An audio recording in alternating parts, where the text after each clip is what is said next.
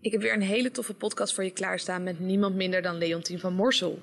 Ze is een van de grootste en bekendste vrouwen uit de sportwereld. Ze deed namelijk aan wielrennen, maar ze heeft daarnaast te kampen gehad met een ernstige eetstoornis.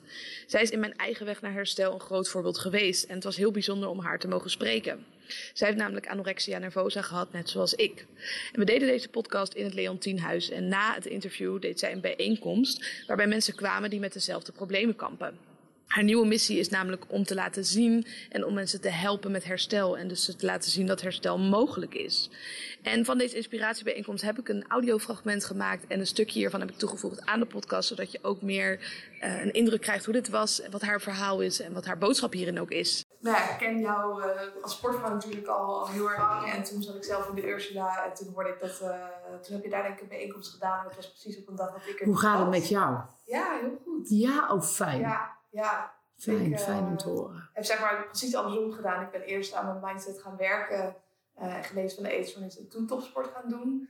En nu ben ik ook bezig met mijn eigen bedrijf om mensen ook te inspireren, zeg maar, om met hun mindset aan de slag te gaan. Dat goed. En toen dacht ik aan jou, toen dacht ik, nou super tof om, uh, om je eens een keer echt in, de, in het echt te ontmoeten. En ook een stukje daarin jouw verhaal te delen. Uh, want we zitten natuurlijk in het Leontienhuis en straks is er ook een inspiratiebijeenkomst. Um, en zou je ook meer daarover willen vertellen? Uh, je hebt natuurlijk hoge pieken gehad, diepe dalen. Ja. Nou, uh, even kijken. Nou ja, we, zijn hier vandaag in het Leontienhuis. En, en waarom ben ik het Leontienhuis begonnen? Laten we daarmee beginnen. Omdat er heel veel jongeren, met name jongeren, maar eigenlijk heel veel mensen, uh, getroffen worden door anorexia uh, of, of bulimia. En ehm, vanuit mijn eigen ervaring, het is gewoon de rotste periode in mijn leven geweest. Het voelt voor mij uh, of, dat ik, of dat de ziekte acht jaar van mijn leven af heeft genomen. En dat gun ik niemand. En vooral de jonge kinderen gun ik dat niet. En met de inspiratiebijeenkomst, um, daar deel ik mijn levensverhaal. En dat is oké, maar wat nog veel sterker is, dat is op het einde van de inspiratiebijeenkomst heel veel ervaringsdeskundigen mij bijkomen staan met ieder een ander achterliggend verhaal. En dat delen zij ook met uh, de mensen die in de zaal zitten. En op het moment, dat weet jij zelf ook, op het moment dat je zelf zeg maar midden in de eetstoornis zit, dan denk je: dit is mijn leven, hier kom ik nooit meer uit. Ja. Um, en hier worden mensen echt geïnspireerd Doordat ze mij gewoon de balans weer uitzien stralen. Maar niet alleen mij, ook al die andere ervaringsdeskundigen. En ieder met zijn eigen achterliggend verhaal, waardoor, waardoor uh, de eetstoornis hen is overkomen. En um, ja, dat is eigenlijk wel krachtig. Wat ik alleen jammer vind, is dat ze dan hier geïnspireerd raken. Maar je zult zien, vanmiddag komen ze vanuit Groningen, vanuit Friesland, vanuit Limburg. En uh, dan willen ze eigenlijk geholpen worden, maar er is geen Leontienhuis of een vergelijkbaar soort uh, kenniscentra, inloophuis in die provincie. Ja. Dus uh, ja, dat vind ik eigenlijk dat vind ik wel jammer, maar wij zijn hier allemaal heel erg strevers. En hoe mooi zou het zijn wat we over tien jaar misschien kunnen zeggen in samenwerking, hopelijk, met de overheid, dat we zo'nzelfde concept in iedere provincie kunnen gaan openen. Ja, precies. Ja, daar liep ik zelf ook tegenaan. Dat op het moment dat ik al toe durfde te geven dat ik een probleem had, dat ik nog drie maanden op de wachtlijst heb gestaan, omdat er ook geen plek was. Dus uh, ik denk zeker dat het ook mooi is dat je op die manier veel meer mensen kan helpen. Ja, ja. Um, en ik zat net al even een boekje te lezen over hoge pieken en diepe dalen. Je zei inderdaad, de tijdens mijn eetstoornis die heeft acht jaar van mijn leven afgenomen. Um, als je kijkt naar de pieken, wat zou jij zien als je hoogste piek? Zou dat de sport zijn of nu meer waar je nu mee bezig bent? Uh, de hoogste piek is toch hier waar we nu zijn. Uh, als ik het vergelijk met mijn sportcarrière, uh, op het moment dat je een succesvolle topsporter bent, maak je mensen blij. Maar hier redden we met elkaar, en de nadruk met elkaar, want dat doen we echt met elkaar. Hier redden we levens. Ja. En ehm, dan maak je echt het verschil. En dat is, het is gewoon heel dankbaar en, en, en heel mooi. Um, maar ik leg altijd nadruk, ik zeg altijd, mijn naam staat hier op dit huis. Um, maar zonder al die lieve vrijwilligers um, en, en al die mensen uh, met, met ervaring die, die ook dit probleem hebben gekend. En, en die staan mij hier echt heel goed bij. Stelt het Leontienhuis niks voor. Wij doen dit echt met elkaar. En uh, samen sta je sterk. En, en met elkaar kunnen we gewoon heel veel gezinnen helpen. En ook met de nadruk op gezinnen. Ehm, want één persoon is ziek uit het gezin, maar totale gezinnen gaan eraan onderdoor. Want ik weet niet hoe jij zelf bent geweest uh, tijdens uh, je, je eetstoornisperiode. Maar de eetstoornis in mij was geen leuk mens. Ik ben zelf, durf ik echt hardop te zeggen, ik ben echt een hartstikke gezellig mens. Ja, maar als je daar binnenin zit... Nee, het is verschrikkelijk. Als ik nu denk van dat ik, ja, wat ik gezegd heb, wat de eetstoornis mij heeft laten denken, laten zeggen, uh, laten doen. Dat ik denk, nee, dit, dit, dit, dit kan niet. En ik ben, ik, heb ook, ik ben ook nog niemand tegengekomen. Want wij helpen nu al heel veel jaren, helpen wij mensen. Ik ben nog nooit iemand tegengekomen dat ik zeg van, je, oh Jezus. Ja, Jezus, ja. Zeg maar gewoon Jezus. Van, wat is die eetstoornis in jou leuk? Nee, bij niemand is die leuk. Nee. Het is echt verschrikkelijk. Weet je, ik kan het nu... Uh, onderscheiden. Dat ik denk, oh, dit is de eetstoornis in die persoon. En de persoon zelf is een mooi mens. Maar ja, af en toe is de eetstoornis zo aanwezig dat je bijna de persoon zelf niet meer ziet. En, en dat is ook een boodschap wat, wat we die ouders proberen mee te geven.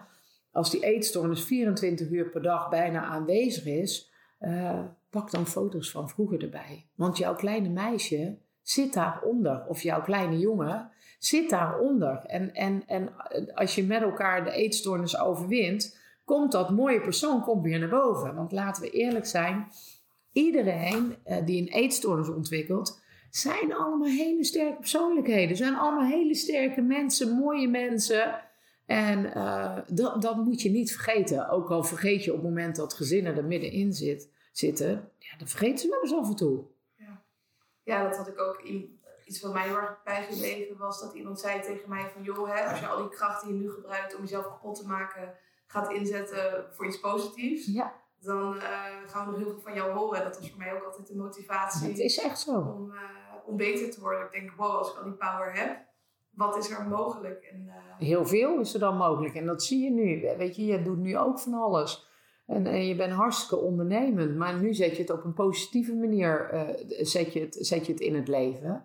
Ja, en dat doen wij hier ook met elkaar in het Leontienhuis. En ehm, dan, dan wil ik wel heel eerlijk zeggen, want dat denken heel veel mensen. Ja, maar jij hebt makkelijk lullen, want jouw leven is zo fantastisch. Mijn leven is ook niet altijd fantastisch. Het leven is niet altijd fantastisch. het leven, ja, het leven is. Uh, af en toe is het echt, of nou ja, voor mij, zo voelt dat voor mij heel vaak, is het, is het heel leuk. Maar ik heb ook wel eens baaldagen.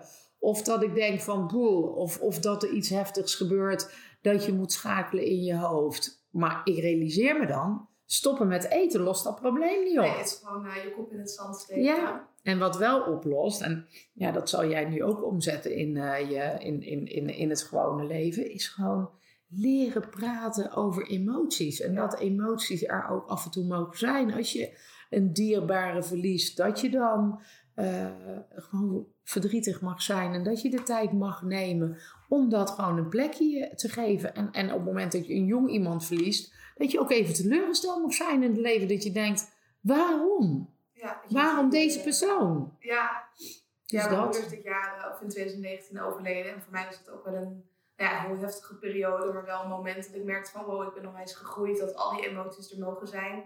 Dat je dat niet meer hoeft te onderdrukken. Maar wat heftig. Ja. dat is nog wel, want je bent een hele jonge meid. Dat is wel veel te jong. Ja, ja, dat is veel te jong. Ja. En was mama ziek? Ja, die was al twee jaar ziek. Kanker? Ja. Ja, heel naar. Ja, waar mijn papa? Ja, dat gaat uh, ook de goede kant op. Die is nog steeds wel heel verdrietig natuurlijk. Maar het is fijn dat we eigenlijk met het hele gezin op die manier een emotionele verdiepingsslag hebben gemaakt. Van joh, ik werd natuurlijk ziek, maar dat is vaak ook een afspiegeling van hoe het in het gezin gaat. Er wordt niet over emoties gepraat. Nu wel. Nu wel. Um, waardoor uiteindelijk hè, een, een rotgebeurtenis, een tegenslag ook weer heel veel kan opleveren. En inderdaad, tegenslag na tegenslag krijg je nou eenmaal het leven. Het leven is geen feestje. Nee. Um, waardoor je veel het kan wel weer een feestje worden, maar je, je, mag daar ook gewoon de tijd voor nemen. Het is nogal wat. Want hoe jong ben je? 25. Veel te jong om mama te verliezen. Ja, hoe oud is mama geworden? Uh, 61. Ja, dus was ook nog jong. Ja, heftig. Heel heftig. Ugh. Ja, maar dan realiseer je ook dat je uh, de dagen die je hebt, dat je het gewoon op een mooie manier invulling moet geven. En dat je je dagen niet moet verzieken alleen maar om niet te eten en heel de dag alleen maar kilocalorieën te tellen. Ja, je wordt ook even geconfronteerd met de dood van Het leven is gewoon eindig. En elke dag uh, is bijzonder. Dus wat ga je doen met elke dag? Want elke dag kan de laatste zijn. En ik heb zelf ook een dieptepunt bereikt uh, waarop ik zelf bijna dood was. En dat was voor mij ook wel een wake-up call. Ik dacht, ja, het is nog te vroeg om, uh, om dood te gaan. Om dood te gaan ja. ja. maar dat is wel heel mooi dat je dat zegt. Want dat was voor mij ook, ik wilde niet dood. Nee. Ik wilde niet dood. Ik wilde gewoon weer ik weet niet hoe dat bij jou is geweest. Ik wilde gewoon weer Leontien van vroeger zijn. Ik wilde gewoon weer die blije gup zijn. En die gezellige Brabantse meid. En gewoon lekker naar mijn zin hebben met mijn broer en mijn zusjes. En, en, en gewoon dat. Ja. ja, ik wilde gewoon iets gelukkig zijn. Ik dacht dat uh, negatief denken en negatief bezig zijn een middel was om dan gelukkiger te worden. En toen kwam ik erachter dat het niet zo was. Ik dacht, ja, maar wat nu? Wat, wat dan wel? Ja, ja. En ik ben nu ook heel blij dat ik dat, uh, dat, ik dat heb gevonden. Nou, wel heel fijn. Heel, heel, heel, heel fijn. Dus nu, maar het is ook wel mooi dat je zegt dat jullie nu thuis wel. Uh, het is wel heel raar dat, dat er dingen moeten gebeuren voordat mensen inzien dat je gewoon uh, emoties niet weg moet duwen, maar dat ze er mogen zijn en dat het het beste is om, daar, om dat met elkaar te delen en dat te bespreken. En je zei ook van hè, wat je vaak ziet hier bij de inspiratiebijeenkomsten, is dat mensen inderdaad geïnspireerd raken van huis gaan en vaak toch weer terugvallen in de oude patronen. Ehm, en dat is denk ik ook met emoties. Hè? Soms dan, dan raak je geïnspireerd dat je, ja, ik ga ervoor, oeh, toch te lastig. Um, nou ja, en dat zou wel heel fijn zijn als ze dan hier geïnspireerd raken. Ehm, ja, dat, dat er gewoon, zeg maar, overal, ik zou het liefst willen zeggen, in ieder dorp, in iedere stad zo'n huis zou zijn. Ja. waar, waar je jezelf veilig voelt. Ik denk dat dat ook heel erg belangrijk is. Want jij hebt zelf in een kliniek gezeten. En de klinieken in Nederland doen heel mooi werk. Maar het is zo klinisch. Het is zo... Uh, ik, ik ben zo blij dat ik gewoon bij mijn schoonouders gewoon in de keukentafel geholpen ben. Gewoon met een kopje thee en tijd. En, en ik geloof dat ieder mens die een psychische stoornis heeft, die heeft eigenlijk maar één ding nodig. En dat is gewoon tijd. Ja. Dat is tijd. Tijd en, en, en, en heel veel liefde. Ja, ja, daar was niet zo heel veel liefde bij mij. Nee, maar dat is wel. Ja, dat vind ik jammer. En, en, en weet je, nou wil ik niet zeggen dat we. Uh, er zijn ook heel veel klinieken in Nederland, maar die zijn natuurlijk ook allemaal aan regels verbonden. Ja. Uh, en ik zou zo fijn vinden als ze gewoon veel meer naar personen zouden mogen gaan kijken. En dat daar tijd en geld, ja, tijd kost geld, dat daar uh, ja, dus geld voor vrijgemaakt zou kunnen worden. Ehm, dat ze iedereen die getroffen wordt door, uh, door een eetstoornis, dat ze die heel veel energie, uh, energie en liefde geven. Ja, en ik denk zelf, hè, als ik bijvoorbeeld kijk naar de mensen met wie ik werk, heb niet allemaal een eetstoornis, maar wel ook last van negatieve gedachten. Um, wat is advies van jou voor, stel iemand die merkt, ik heb onwijs wel last van negatieve gedachten, ik praat mezelf naar beneden, ik vind het lastig om emoties te ervaren? Nou ja, weet je, tegen die mensen, ik, ik begeleid heel veel mensen en ook uh, mensen die bulimie hebben om uh, en, en ook uh, ja, last hebben van depressies. Um, ja, die draaien alles naar het negatieve. Ja. Um, maar vast blijven pakken en, en, en, en um, ze gewoon wakker blijven schudden voor de kleine dingen in het leven. Weet je, als ik dan met een jongen aan het wandelen of aan het lopen ben en ik zie een stukje blauwe lucht, dan zeg ik, zie je dat stukje blauwe lucht? Fijn hè, na drie dagen regen weer een stukje blauwe lucht. Of uh, als de eerste voorjaars zonnestralen. Van de week hadden we een hele mooie dag en, en er kwam die zon zo achter die wolken vandaan. En dan zeg ik ook, sta even stil, kijk eens even. Je hoeft het niet in die hele grote dingen te zoeken. Nee. Maar laat dat eerst weer eens binnenkomen. En, en, en, en dat je ook tegen jezelf kunt zeggen van ja, weet je. En ook kijken, um, niet altijd, want mensen die negatief zelfbeeld hebben, eh, van zichzelf. Dat is ook wel een opdracht die ik ze heel vaak meegeef. Dan zeg ik, uh, die, die jongen waar ik het nu over heb, die ging die middag naar de gezondheidsbeurs. En die was alleen maar, en ik, uh, dit is niet goed en dat is niet goed. En ik ben te klein, ik ben niet mooi. Na. het is zo'n knap ventje. Het is zo'n lekker jong, je vreet hem op. Hij kan zo, nou ja, hij kan zo modellenwerk gaan doen. Ik zeg, weet je wat ik wil gaan doen? Ik wil dat je op de beurs even op een muurtje of op een stoel gaat zitten en heel eerlijk gaat kijken met wie jij allemaal zou willen rijden. En als jij dan heel eerlijk bent, dan wil jij bijna met niemand rijden. Nee, dan ben je ineens wel... Uh... Ja, want er zijn veel meer mensen die minder mooi zijn, die... Uh, uh, weet je, andere papa en mama, ja, dat zie je dan niet aan de buitenkant. Maar als je dan gewoon puur alleen naar het uiterlijk kijkt, dan moet jij heel realistisch zijn. Als jij dat niet ziet, zeg ik tegen hem, dan ga ik met jou naar Pul. Want dan ga ik echt een bril voor je kopen. Want dan mankeert er iets aan je ogen. Ik zeg, want dit is hoe ik naar jou kijk. En niet alleen ik zo kijkt. Ik denk, uh, 80 of 90 procent kijkt naar jou van Jezus. Jezus, zeg ik weer Jezus. Makkelijk hoor, deze podcast. Ik zeg ook heel vaak fuck of... Uh, ja, oké, oké, oké. Maar uh, van, weet je, het is zo'n mooie jongen. Dan denk ik van, ja, ik wil gewoon dat... En ik, ik blijf dan heel vaak in herhaling vallen. En werkt dat goed? Ja, dat werkt, ja. Ik denk dat het sowieso helpt om in de herhaling te blijven. Gewoon of het nu over eten gaat of en helemaal mensen die uh, een verkeerd zelfbeeld hebben. Dan moet je constant blijven, constant blijven zeggen. Ja. En ook als je dan, als we dan aan het lopen zijn, zegt nou, zou je met die willen ruilen? Ja, met die willen ruilen? En dan kijkt hij me aan en zegt nee, zie je nou wel? Ja, Weet je, dat. En ja, dan, ja, en je moet het ook uh, weet je, het moet ook niet altijd even zwaar zijn. Het moet ook af en toe gewoon met een, met een dolletje en een, en een dingetje. Ja, met een knipoog. Dat je in ieder geval weer voor zorgt, uh, zo, ook al zijn ze uh, zo down, maar dat je toch weer voor zorgt dat je een glimlach op dat gezicht tovert. Precies. En dan, ehm, ja, dan s'avonds of einde middag krijg ik een berichtje van, ja, ja, je hebt wel gelijk hoor.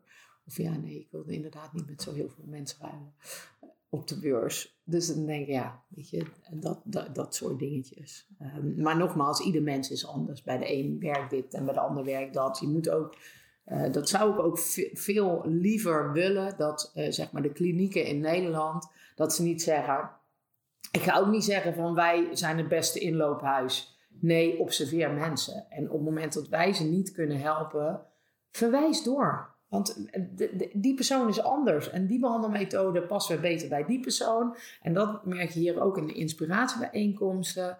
Um, dan merk je gewoon tijdens een inspiratiebijeenkomst, dan zie ik al, die raak ik, die raak ik. Maar die raak ik helemaal niet. Die past veel beter bij die ervaringsdeskundigen. Want die hebben gewoon een klik. En na de inspiratiebijeenkomst zoek precies uh, die persoon, zoek die persoon op waar die van denkt van ja, maar ik herken me in dit levensverhaal. En dat vind ik altijd wel heel mooi. Ja, nou herken ik wel ook vooral in jou, denk ik. Uh, dat ik me meer verbonden daarmee voel. Ik denk, wow, hè, we hebben zo'n... Uh, nou ja, niet helemaal... met sport en met uh, je... En, en, ja, ja, maar dan heb je natuurlijk wel ook raakvlakken. Mensen die hier in de inspiratiebijeenkomst komen, komen die, die aan sport hebben gedaan. Ja, dan heb je natuurlijk... Ja, dan deel je natuurlijk al heel veel. Ja. Dus dat is wel... En naast het doel om uh, nog meer van deze huizen op te richten in Nederland, liggen er voor jou nog andere doelen die je graag zou willen bereiken? Nee, dat zou wel een heel mooi doel zijn. Dat zou echt de absolute kerstslagroom uh, op, op, op zeg maar 12, uh, aan iedere provincie één. dat zou wel heel mooi zijn. Ja, ja super mooi. Ja. Dus ja, nee, dat is het doel. En vooral de mensen die we nu aan het helpen zijn, op, op deze manier uh, blijven helpen. En uh, gewoon uh, met elkaar het heel goed blijven managen. Dat, um, ja, dat we ook alle ervaringsdeskundigen, gewoon dat we dit team wat we nu hebben, ja, dat, dat dat zo sterk blijft. Ja, dat mensen niet alleen maar ook geïnspireerd hoeven te raken, maar ook door kunnen pakken ja. en echt aan de slag kunnen. ja. ja. ja. Ja, en dat doen we toch echt met elkaar. Ja. Dus dat. Dus ja. dat. Hartstikke bedankt. Ja, graag gedaan. Als je iets wil bereiken, dat je dat ten alle tijden samen doet. Totdat diezelfde persoon wint en eigenlijk helemaal niet blij is. Dat is eigenlijk mijn levensverhaal. Ik had als jong meisje een droom. Zoals wij allemaal dromen hebben hier in, in de zaal. Mijn droom was, ik wilde zo graag één keer in mijn leven de Tour de France winnen. En ik won die Tour in 1992. Om de Tour te kunnen winnen, ontwikkelde ik een eetstoornis. Het was geen droom, het was echt een nachtmerrie. Ik ga jullie proberen mee te nemen. Ik werd gehuldigd en de enige gedachte die ik had was van, oh, hier hoort champagne bij. En in een glas champagne zitten zoveel kilocalorieën. En dat stemmetje in mijn hoofd was zo sterk en ik was zo totaal uitgeput. Maar toch was dat stemmetje wel sterker in mijn hoofd en verplichtte mij om smiddags bij te gaan trainen. Ik was echt een ellendig hoopje mens op dat moment. Maar ik ben zo blij en zo dankbaar dat ik in die periode mijn man Michael heb leren kennen. Want die heeft mij in laten zien dat ik als persoon vele malen belangrijker ben dan welke sportprestatie ik ooit heb geleverd. Als hij dat niet had gedaan, weet ik überhaupt niet of dat ik vanmiddag nog had geleefd. Maar hij heeft me eigenlijk veel meer geleerd. Hij heeft mij ook geleerd om deel uit te maken van een team, dat je samen sterk staat. Hij heeft mij in laten zien dat een mechanicien zo ongelooflijk belangrijk is, die het voorbereidende werk doet, zodat je fiets lekker loopt. Maar hij heeft mij ook in laten zien dat een soigneur, een masseur, heel erg belangrijk is. Niet alleen om de zuring uit je benen te halen, maar ik heb heel veel etappekoersen gereden in mijn leven. En een etappekoers is een meerdaagse wedstrijd. En dan heb je goede dagen, maar je hebt veel meer slechte dagen. En dan heb je eigenlijk maar één ding nodig. Op het moment dat je een slechte dag hebt, die heb ik nu ook nog wel eens, dan heb je luisterend oor nodig. Ik kan uren praten over mijn leven toen en over mijn leven nu. Ik denk dat beelden veel meer zeggen dan woorden. Dus ik heb een DVD-compilatie, die is opgedeeld in vier gedeeltes. En ik kom iedere keer even bij jullie terug om te onderbouwen wat het met mij heeft gedaan en hoe dat ik het nu gebruik in mijn leven. Ik wil even terugkomen op mijn kapsel, want ja, ik er me altijd uit. Maar dit is 20 jaar geleden, meer dan 20 jaar geleden. En uh, de mensen van mijn leeftijd, die weten het misschien wel, want het is de tijd van de Dolly S, was het mode of was het mode? Het was hartstikke, het was hartstikke mode. Maar ik snap niet dat mensen er niet hebben gewaarschuwd. Dat is Een van de meest gestelde vragen is, Leontien, waar heb je de basis neergelegd voor zo'n wielercarrière? Dan moet ik echt uh, terug in de tijd. Ik heb eigenlijk heel veel aan mijn ouders te danken. Mijn ouders hebben best wel veel tegenslagen gekend in, uh, in hun leven. Maar die mensen zijn altijd positief gebleven. En in de sport verlies je veel meer dan dat je wint. Dus ik heb daar, ik heb daar heel veel uh, heb ik daar uitgehaald. Maar wat mijn ouders nog meer goed hebben gedaan, is ze hebben mij aan sport laten doen, maar ze hebben mij daarnaast ook kind laten zijn. En als ik nu wel eens naar uh, voetbalwedstrijden ga kijken of wielrenwedstrijden, dan zijn er heel veel ouders die doen het fantastisch. Maar er zijn ook ouders die kinderen verplichten om zeven dagen de week met sport bezig te zijn. En mijn ouders hebben mij alleen maar afgeremd. Want als klein meisje was ik al super fanatiek. En als ik dan als achtjarig meisje een keer achtste of negende werd, dan was ik super uh, teleurgesteld. En dan zei ik, ik wil op woensdagmiddag bijtrainen, want ik wil de volgende wedstrijd winnen. En dan zeiden mijn ouders, er komt helemaal niks van in. Jij hoort gewoon buiten te spelen met leeftijdsgenootjes. En toen werd ik ouder en toen vonden mijn ouders het ook gewoon belangrijk dat ik af en toe naar een jeugdsoos ging. En uh, ik begreep dat, toen de tijd begreep ik dat niet. Maar nu denk ik, wat hebben ze dat fantastisch gedaan. Want dan word je 18 jaar en dan ga je vanuit je hart ga je, ga je beslissingen nemen. En ik maakte de eerste beslissing in mijn leven toen ik uh, voor de eerste keer de Tour de France reed. Mijn eerste Tour de France, die won ik niet. Daar werd ik 31ste. En ik ging daar van start als nationaal kampioen. En uh, ik wist niet dat de bergen in Frankrijk zo hoog waren. En ik kwam terug en ik voelde gewoon dat er veel meer in zat. Dus toen heb ik tegen mijn ouders gezegd: jullie hebben het fantastisch gedaan. Maar ik wil echt gaan leven zoals een topsporter hoort te leven. Dus ik ben de concurrentie gaan analyseren. En al die, die meiden die voor mij waren finish, die waren allemaal een stuk ouder dan dat ik was, maar waren ook een stuk lichter. Dus ik heb een plan van aanpak gemaakt en uh, dat heb ik aan mijn ouders laten zien. Ik ben gaan overwinteren, vier maanden met beroepsrenners in Spanje. En ik ging er naartoe als een stevige Brabantse meid en ik kwam terug als afgetrainde sportvrouw.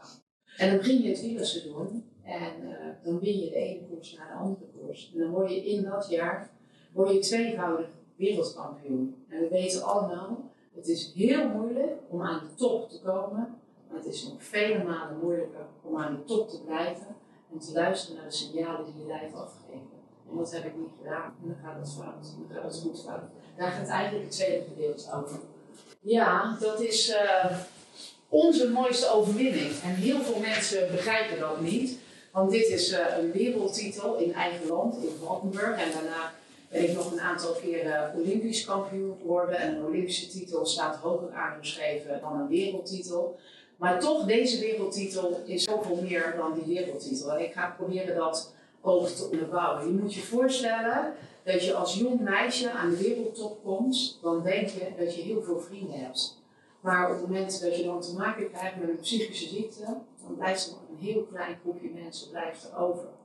En dat gevecht terug, dat uh, heeft best wel heel lang geduurd. Ik ben vier jaar eruit gegaan, heb ik niet aan topsport gedaan. En in die vier jaar heb ik twee keer een comeback gemaakt. En mijn eerste comeback maakte ik in een criterium in Schijndel. En ehm, ja, mijn schoonvader die zei het net al. Uh, je pakken, je kan het niet meer. Stop er, stop er maar mee. Je komt nooit meer op niveau terug. Um, ik heb dat criterium wel uitgereden. Ik heb dat uitgereden op karakter, maar dat deed zoveel pijn. En uh, na dat criterium voelde ik van, ik ben hier mentaal nog niet sterk genoeg voor.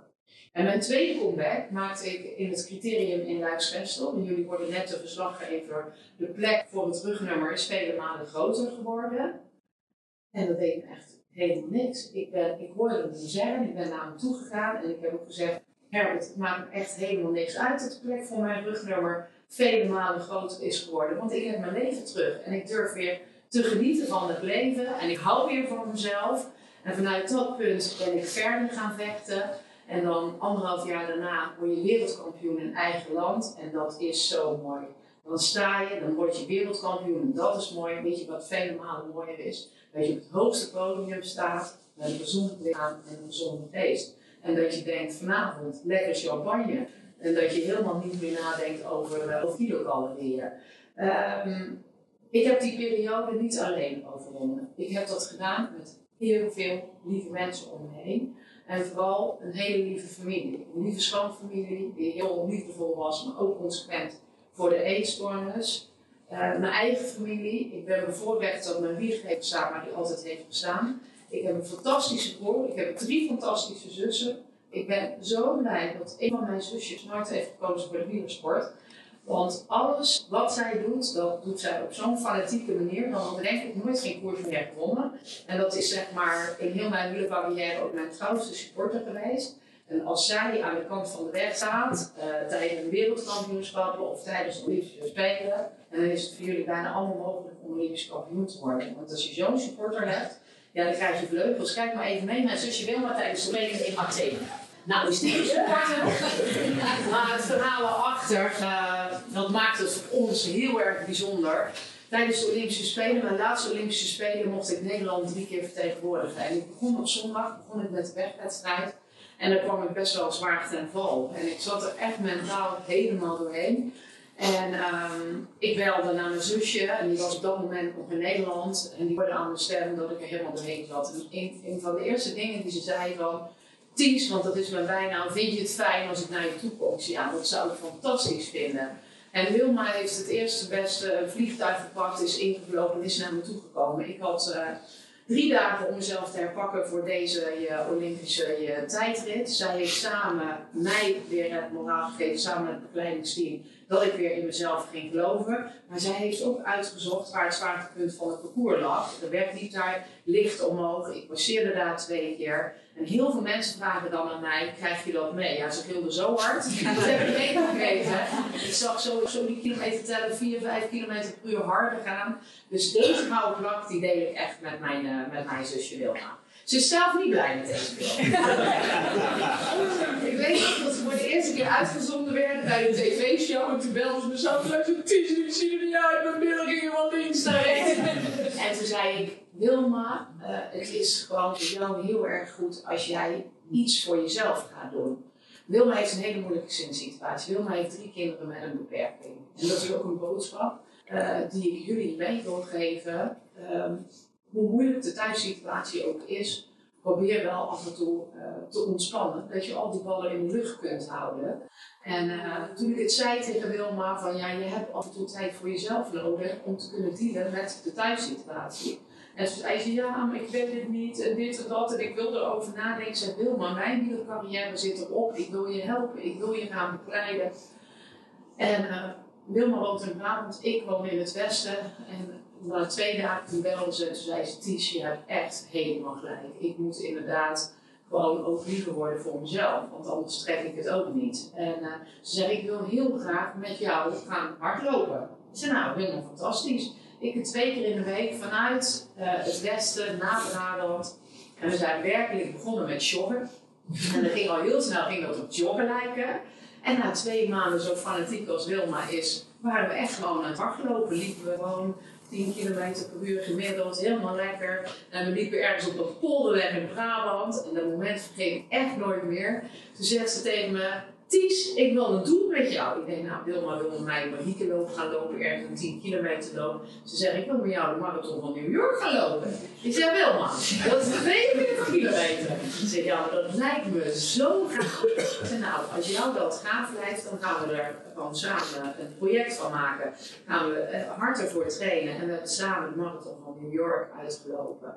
En uh, ja, dat was een waanzinnig moment. Dat is echt, ik zeg niet vaak, ik ben trots. Ik ben heel trots op mijn, uh, op mijn zusje Wilma. Uh, het vierde gedeelte waar jullie naar gaan kijken, daar kijk ik met heel veel plezier naar. Daar zien jullie eigenlijk, eigenlijk een sportvrouw die de balans heeft weten terug te vinden in haar, uh, in haar leven. En dan krijg ik heel vaak krijg ik de vraag van, maar hoe heb je die balans dan teruggevonden in je leven? Ik praat eigenlijk altijd over twee carrières. De carrière die ik combineerde met de eetstoornis en mijn vervolgcarrière. En uh, de carrière die combineerde met de eetstoornis, was ik 365 dagen per jaar was ik mijn lichaam aan het belasten. En voelde ik het niet goed aan. aan. Ja, dat is, dan is niks meer leuk. Dan is topsport niet leuk, het leven is niet leuk, niks is meer leuk. Dan overwin je de eetstoornis en dan weet je dat je het op een andere manier moet gaan doen. Als je kiest voor topsport, weet je nog steeds dat je hard moet trainen, maar ook dat je jezelf heel goed moet verzorgen. En ook dat je daarnaast gewoon rust in moet plannen. En als je dat doet, op het moment dat je hard traint, daarnaast ook durft te rusten en je durft uh, jezelf goed te verzorgen met voedingsstoffen, ja, dan is het leven zo leuk. Dan is topsport leuk en dan zie je gewoon een stralende sportvrouw die lekker naar zijn zin heeft. En dat zie je in dit gedeelte. Ja, en dan is het einde wielercarrière. Mijn laatste Olympische optreden was, uh, mijn man Michael was mijn coach. En dat moment vergeet ik ook echt nooit meer. Hij kwam de kleedkamer in en ik deed ongeveer 3,27 over 3 kilometer. En hij zei, schat, nog één keer een kleine 3,5 minuut afzien in je leven. En dan hoef je de rest van je leven nooit niks meer te doen. Ik denk, nou, dat is een goede deal. Maar nog één keer alles eruit wat ik in mijn lijf heb zitten. Uh, maar het leven, dat liep heel anders. Uh, want we zijn alle twee super fanatiek. En wij vlogen terug vanaf Athene. Waren we eigenlijk gelijk aan brainstormen van wat gaan we nu doen in het leven. Wij doen van alles op het gebied van sport. Maar gelijk in het vliegtuig uh, sprak ik uit. Ik wil mensen dit gevoel geven wat ik nu heb. Dat zij ook gewoon weer de eetstoornis gaan overwinnen. Dus we hebben eigenlijk gelijk na mijn wielercarrière een stichting in het leven geroepen. En hebben we allerlei andere instanties financieel ondersteund. Het congres op het gebied van eetstoornissen daar een keuken, daar een donatie. En iedere keer kwam ik thuis en dan zei Michael van, uh, Ties, hoe was het? En dan zei ik, ja, het voelt goed, maar ik wil het zo graag op mijn eigen manier. En zei hij, ja, wat, wat je dan? Wat bedoel je dan? Ik zeg, ik wil mensen die veilige plek geven die jullie of jullie mij ook hebben gegeven. Gewoon die veilige keukentafel, dat luisterende oor, tijd, dat is ik zeg maar deze groep, wat deze groep nodig heeft. En ik had het nog niet uitgesproken. En zeven jaar geleden nam Michael mij mee naar deze plek. En hier stond zeven jaar geleden stond hier een gevallen boerderij. En toen zei ik tegen mijn fan van ja, deze plek is fantastisch, maar het is anti-kraak, het sneeuwt hier binnen, het regent hier binnen. Hoe gaan we dit doen? En uh, we zijn bij dezelfde keukentafel gaan zitten en hebben een plan gemaakt. We hebben heel veel bouwgerelateerde bedrijven gevonden die ons hebben ondersteund. En met heel veel lieve vrijwilligers hebben we dit kunnen realiseren. En ik zeg altijd, mijn naam staat op dit huis. Maar zonder al die lieve vrijwilligers en die lieve ervaringsdeskundigen stelt dit huis helemaal niks voor. Want we doen het echt met elkaar. En ik geloof ze ook eigenlijk, met elkaar staan we sterk om met elkaar de eetstoornis te overwinnen. Dankjewel voor het luisteren naar mijn podcast. Vond je het waardevol en wil je meer weten over mindset? Ga dan snel naar mijn website www.isabelleviteris.com waar je ook mijn gratis e-book kan downloaden met meer dan 50 inzichten over mindset nadat ik meer dan 13.000 euro in mezelf heb geïnvesteerd. En ook deel ik bijna dagelijks inzichten op social media. Dus zoek me even op op Instagram onder Isabelle Veteris of op LinkedIn en het lijkt me leuk om even te connecten.